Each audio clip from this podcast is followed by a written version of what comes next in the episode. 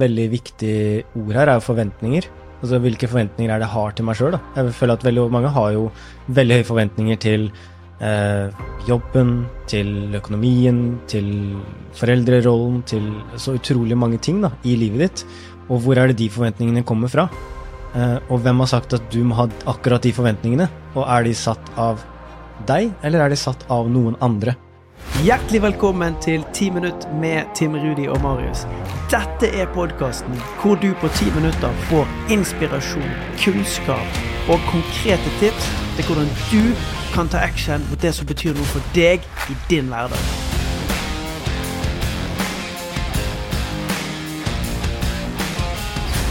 Altså, jeg kjenner jo at jeg får lyst til å gå på en rant.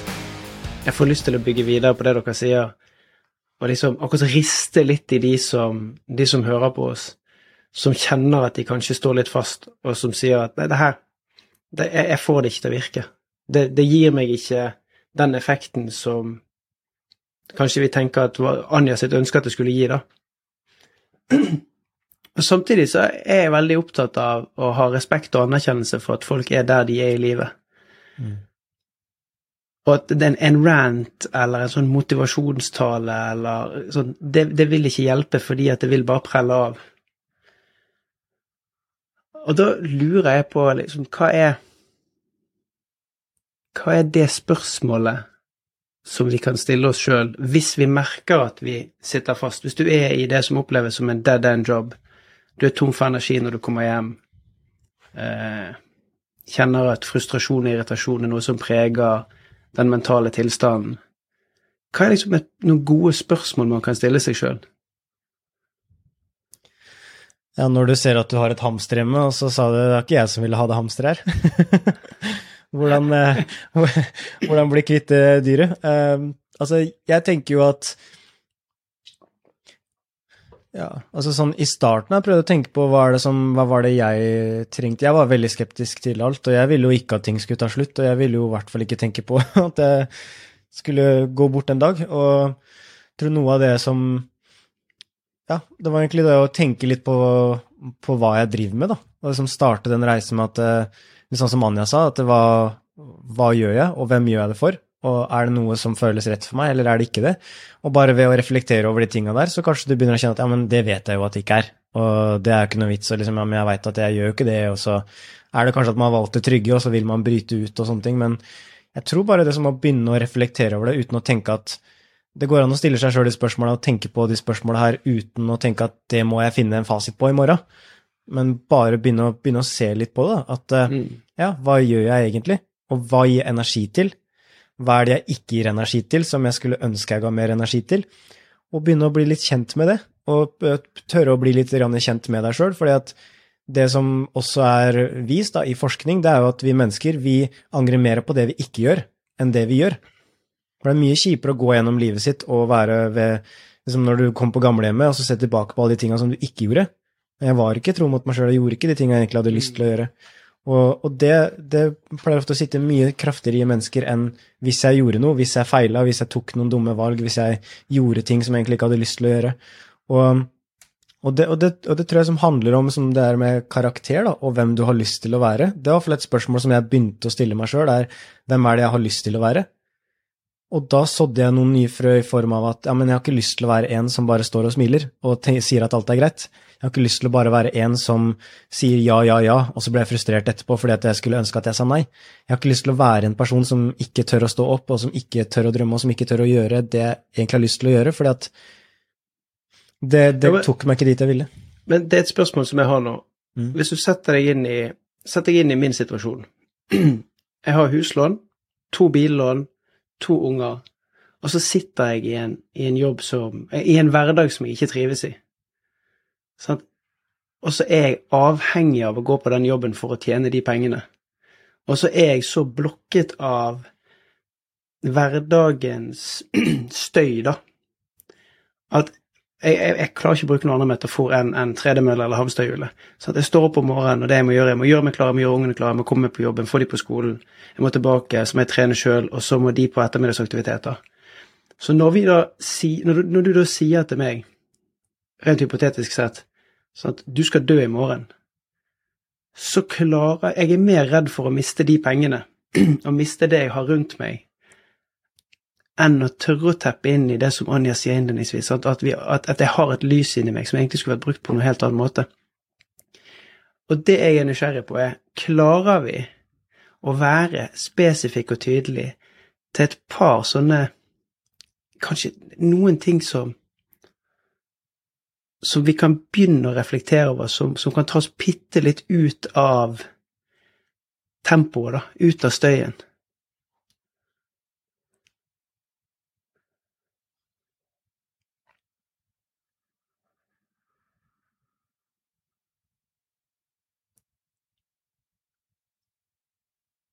Der gjorde vi det. Det er det å tillate den stillheten. Det å tillate de mellomromma. Det å finne ut av hva skjedde nå egentlig. Eh, hvor er det fokuset mitt vandrer når det er stille rundt meg? Og, og for meg så, så, er det Marius sa der sånn at av og til så angrer vi mer på det vi ikke har gjort, enn det vi har gjort. Men jeg skal være helt ærlig, jeg angrer på ganske mye jeg har gjort. Og, og en del av de tinga er når jeg har vært steder, men ikke vært der. Vært i ja. samtaler som jeg fysisk sett har vært i, men fokuset mitt har vært et annet sted. Hjertet mitt har vært et annet sted. Um, og det å, det å faktisk være der som det mennesket jeg er stolt av å være. Og det å gjøre mer av det, det gjør stillheten med meg. Og det er jo det vi gjør veldig mye av i Heart Mentality. Det er at vi tapper inn i det som kanskje er det skumleste av det skumle for veldig, veldig mange. Du refererte til en forskning på det her en gang, Tim. Hva akkurat den stillheten vi gjorde nå, gjør med folk, da. Mm. Og, og det å bli kjent med den, og det å bli trygg i den, det bygger en styrke som, som virker så latterlig enkel. At ja, men her skal jeg ikke fylle på med noe mer. Må jeg ikke ha mer kunnskap? Hva hvis du egentlig bare må ta bort alt det du ikke er, da? Wow. Jeg, jeg, jeg, må faktisk si det sånn for the record. Det der var ikke planlagt. Og, og, spørsmålet mitt kommer fra et sånt ekte, oppriktig sted av den frustrasjonen som jeg tror er der ute, som jeg møter når jeg veileder mennesker. Og at du valgte å ta den stillheten der, og bare vente på at, å bevise det poenget, og komme med det resonnementet etterpå, det syns jeg var helt rått. For du har faktisk helt rett. Om det bare er tre minutter første dagen, to minutter første dagen, og så øve på å skape stillheten. Oh. Det, jeg også syns det er utrolig viktig, men samtidig så er det også veldig krevende for veldig mange da, i en startfase. Og det er jo mm. kanskje spesielt i den startfasen der hvor jeg trenger å forstå hvorfor skal jeg gjøre det. For hvis du skal gå inn i en stillhet og bare nei, bare det er viktig å være stille, så er det sånn but why? Men det å vite at det er der du ofte får muligheten til å bli kjent. Det er der du ofte får muligheten til å forstå hva som er her, da. Og en av de tinga som jeg tror også er veldig ja, viktig å, tenke over også, som er et veldig viktig ord her, er forventninger. Altså hvilke forventninger er det jeg har til meg sjøl, da. Jeg føler at veldig mange har jo veldig høye forventninger til eh, jobben, til økonomien, til foreldrerollen, til så utrolig mange ting da, i livet ditt. Og hvor er det de forventningene kommer fra? Eh, og hvem har sagt at du må ha akkurat de forventningene? Og er de satt av deg, eller er de satt av noen andre? For jeg tror også at det er sånn at, eh, for jeg tror at det, det, som gjør det krevende å bryte ut, er at vi har høye forventninger til hva det skal være, og hvis vi da vet at vi må bryte ut, så kreves det noe nytt. Det kreves at man kanskje må gjøre ting litt annerledes, det gjør at man kanskje må nedjustere ting. Og så føles det ukomfortabelt fordi at man er vant til å mestre, og man er på den tryggheten som man er i dag, da. Men det å kanskje også se også som at det å det å, det å, bryte ut, eller det å gjøre ting nytt, leve mer i tråd med det som er ekte for deg, det er ikke noe som trenger å være et plaster som du river av. Det kan også være en gradvis prosess som kan skje over tid. Og eh, det som kan eh, være veldig, som i hvert fall hjalp meg veldig, var å tenke på det at du kan jobbe fulltid med det du gjør i hverdagen, men du kan jobbe deltid med drømmen. Og du kan jobbe deltid med stillhet, du kan jobbe deltid med å prøve å finne ut av hva som er viktig for deg. Og det du gjør da, det er at du senker forventningene til at når du skal inn i det nye, så trenger det ikke være masse greier og masse ting som skjer, og at du skal være på et høyt nivå fra start. Men da skjønner du at, vet du, la meg ta det som en prosess, la meg leke litt med det. La meg, bare det å bare sette seg ned, bare drømme seg litt bort, og bare tørre å se det for deg. Og så er det noen som syns det er krevende å se ting for seg også, for at ja, men tenk om ikke jeg lykkes. Og da har du gjort det igjen. Du har satt forventningen på det. Ja, men tenk hvis ikke jeg lykkes, ja, men da har jeg mislykka. Nei, du er ikke det. men det er liksom det å tørre, å tørre å sette forventningene også lavt i en startfase, da.